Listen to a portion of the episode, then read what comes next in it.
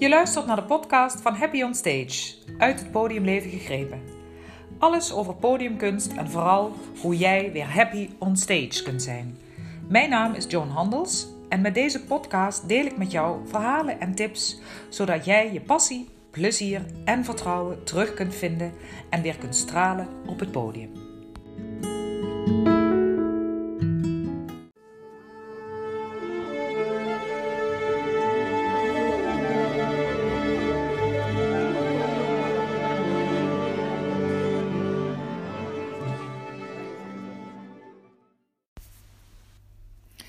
Is alweer aflevering 5 van de podcast van Happy on Stage. En deze podcast gaat over uh, het feit dat je niet alleen bent, dat je ook niet de enige bent met je probleem. En dat er mensen zijn die je kunnen en vooral willen helpen. En die in de eerste plaats al een luisterend oor voor je willen bieden. Uh, ik heb heel lang met fabels rondgelopen als uh, iedereen kan het gewoon zonder podiumangst, podiumangst af, behalve ik. Niemand heeft er zoveel last van als ik. En vooral ook, ja, als je goed bent, dan heb je daar gewoon geen last van, van podiumangst. Met andere woorden, um, op een gegeven moment ging ik ook geloven, toen die podiumangst bij mij niet overging. Ja, ik ben gewoon niet goed genoeg. En uh, ja, dat is natuurlijk best wel frustrerend als je dat uh, van jezelf vindt. Um, voor wat betreft een, een passie en een vak dat je niet liever, wilt, uh, niet liever dan dat wilt uitvoeren. ja, en degene die wel goed zijn, daar denk je van dat ze het niet hebben. En degene die zeggen dat ze ook last hebben van podiumangst, ja, daar vind je dan zelf wel, tenminste in mijn geval was dat zo, dat ik dat dan altijd een beetje kon bagatelliseren. Of ja, daar vond ik wel een excuus voor of zo, dat het niet zo erg was bij mij. Of ja, of, ja, ik weet niet. Het, het, was altijd een beetje, beetje vreemd. Ik, ik, uh, ik heb er heel erg mee geworsteld.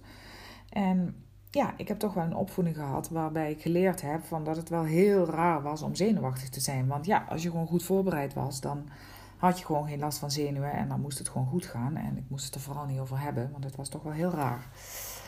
En ja, ik heb ook wel een docent gehad die, die het eigenlijk, uh, ja uitlach is niet het woord, maar zo kwam het wel bij mij over. Maar hij, um, hij lachte het een beetje weg. Dus met andere woorden, ja, nu denk ik van ja, hij wist er gewoon zelf geen raad mee. En, en uh, had ook geen zin om zich daarmee bezig te houden, want hij wilde ja, met andere dingen bezig zijn. Wat ik ook wel weer begrijp. Alleen ja, voor mij was het niet echt uh, helpvol, zullen we maar zeggen. Ja, uh, ik wilde zo graag spelen. En ik wist ergens van binnen voel je dan wel van ja, maar uh, wacht eens even jongens, dit moet toch gewoon lukken. Ik, ik kan het gewoon goed. En, en hè, alleen op belangrijke en, en cruciale momenten, ja, dan sloeg die podiumangst, die, die, die plankenkoorts weer toe. En ja, ik heb een beetje voor mezelf een strategie uh, bedacht, omdat ik uh, dus ervan uitging dat mijn gedachten waar waren. En dus ik dacht, nou weet je, als mensen het zo moeilijk vinden om erover te praten of mij een beetje ja, er een beetje over gaan lachen, dan ga ik er dus niet meer over praten. En ik ga er gewoon tegen vechten en ik zal doorgaan. En nou, dat heb ik ook wel gedaan. Uh, alleen ermee leren omgaan, dat gebeurde natuurlijk niet. Ik stopte alles weg en uh, ja, ik stond eigenlijk nergens voor open. Ik sloot me af voor alles van buiten mezelf, maar ook ja, voor wat ik nou eigenlijk echt voelde. Dus ik ging maar door met hard werken en, en ja, eigenlijk werd die podiumangst er uh, niet minder om, integendeel. En ja, de handreikingen of tips die, die ik wel kreeg, die, die sloeg ik dan in de wind of ik hoorde ze niet. En uh, ik dacht dat ze niet op mij van toepassing waren, terwijl ze eigenlijk heel waardevol bleken. Want dat weet ik nu, nu ik wel erin gedoken ben en, hè, en, ja, heb verdiept, en mijn eigen onderzoekjes gedaan en met mensen gesproken, hulp gezocht. Uh, en wel die ervaring ook heb om te kunnen omgaan met een gezonde spanning. En die tips, ja, dat, dat, dat is wel grappig. Ik, ik weet nog heel, nog heel goed, het is al heel lang, lang geleden toen eh, wij in Berlijn woonden en ik daar snabbelde. En uh, ik ook bij dat orkest een auditie uh, had gedaan. En ja, dat is voor de zoveelste keer weer door de zenuwen gewoon niet goed ging. En het was niet eens heel dramatisch, maar je wordt dan een soort van lam geslagen, waardoor je natuurlijk niet echt met passie kunt spelen, niet, kun, niet jezelf kunt laten horen. Dus het, wordt een beetje saai en het is dan niet echt slecht, maar ja, dat willen ze natuurlijk niet horen. En er was een cellist, een oude Russische cellist. En die, ja, die, die raakte met mij aan de praat. En die, of die wilde misschien wel juist met mij praten. En die zei tegen mij: Ja, meisje, je denkt veel te veel na. En ik dacht: Ja, dat is allemaal heel leuk en aardig. Maar ja, nadenken zou ik toch moeten doen. En tegenwoordig weet ik wel dat hij eigenlijk bedoelde. Wat men dan nu noemt, uit je hoofd in je lijf. Dus, dus zet die gedachten op een bootje in een rivier en laat ze wegvaren. Of, of weet ik veel. Uh, schenk er niet te veel aandacht aan. Want niet alle gedachten zijn waar. En dat wist ik toen absoluut nog niet. En uh, ik weet ook nog wel dat ik een keer een concert had. En ja, dat was ook best wel spannend met een kleine bezetting en veel te spelen. En dat ik eigenlijk in de pauze een soort uiting had van: oh jee, nu moeten we weer. En dat een collega zei van ja, maar misschien kan je ook zeggen we mogen weer. Hè? En, en ja, tegenwoordig zou ik dat dan vertalen in van ja, je negatieve bewoording eigenlijk gewoon omdenken en omzetten naar positief benoemen. Want het was natuurlijk helemaal niet zo dat ik uh, geen zin had of het niet leuk vond. Maar ja, die spanning die bracht dat wel met zich mee voor mij. En ik, ik was toen niet bij machten om dat om te zetten uh, naar positief benoemen. Waardoor het ook heel een positief effect krijgt. En die spanning gewoon meer een soort excitement is, een opwinding in plaats van angst. En ja, en diezelfde persoon heeft eigenlijk ook toen tegen me gezegd. Uh, ik, ik weet niet of het op dat moment was, maar in ieder geval toen we het over audities hadden en, en, en spannende momenten. Van ja, misschien kun je teruggaan naar het gevoel van je mooiste en beste ervaring. Die heb je vast wel gehad. En neem dat mee op dat moment dat je het spannend vindt.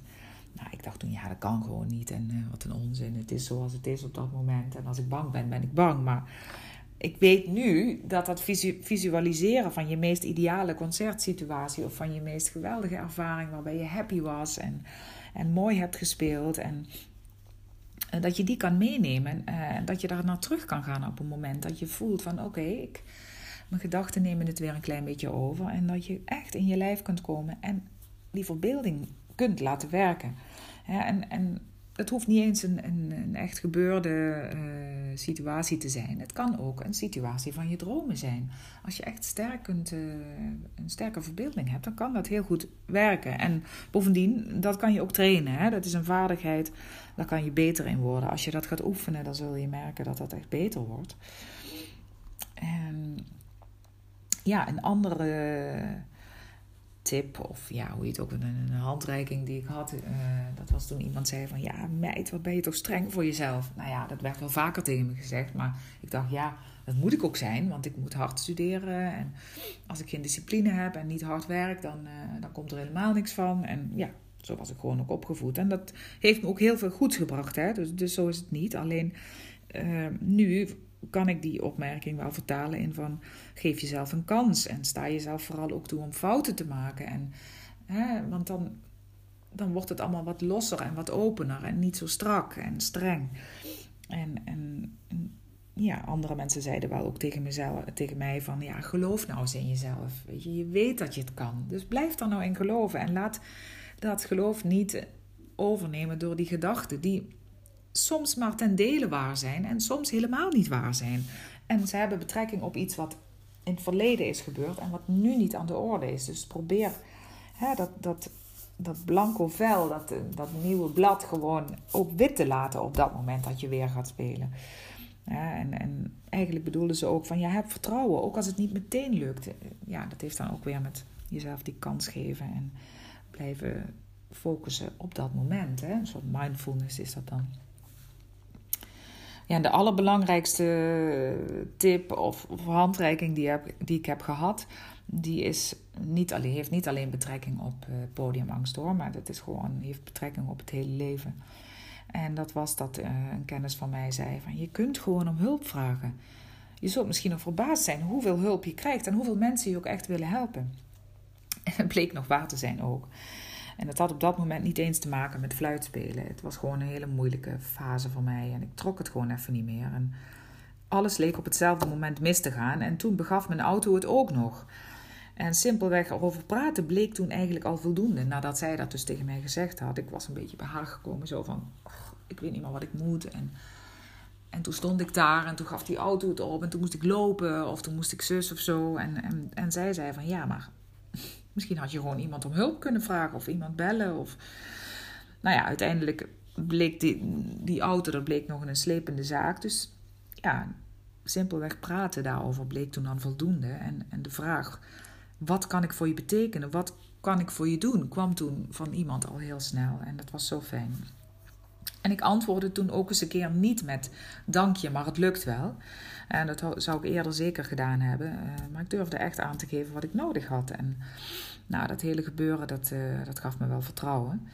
En uh, ja, sinds die tijd, dat, dat, dat zijn wel dingen die bij je blijven. En, en dat probeer ik toch mee te nemen. Ik vind het nog steeds moeilijk om hulp te vragen, maar ja, ben gewoon een beetje op, opgegroeid met het idee van uh, dat je alles zelf maar moet oplossen, omdat je anders uh, als zwak gezien wordt. Maar gelukkig vervagen dat idee wel een beetje. Uh, ja, dat ik niet alleen was en zeker niet de enige was die kampte met podiumangst, daar ben ik ook wel achter inmiddels. En die wetenschap die, uh, die vermindert natuurlijk niet in één klap die plankenoors. Dat, dat, dat zou te mooi zijn. Maar het geeft je wel ruimte en je voelt je niet zo alleen. En, en het geeft ook de mogelijkheid om erover te praten, elkaar te helpen of gericht hulp te zoeken. Dus ja, ik heb dat ook gedaan. En, en weet je, je kan ook hulp zoeken in boeken waar je ervaringen van andere mensen leest. Je kan blogs lezen. Uh, ja, er zijn echt wel uh, dingen te vinden. En je kan contact zoeken met mensen. Toch een keer die stap zetten en een collega vragen. Hè, of een medestudent vragen van... Goh, hoe doe jij dat nou? Heb je daar geen last van? En als je er last van hebt, wat doe je er dan aan? Heb je iemand bij wie je om hulp hebt kunnen vragen? Of ben je naar iemand toegegaan? Of dat soort dingen. Dus, dus blijf er vooral niet alleen mee rondlopen, want daarmee wordt het eigenlijk alleen maar erger. Want ja, dan blijf je in je eigen kringetje uh, rond uh, dansen. En nou ja, dat, dat is helemaal niet fijn, dat weet ik maar al te goed.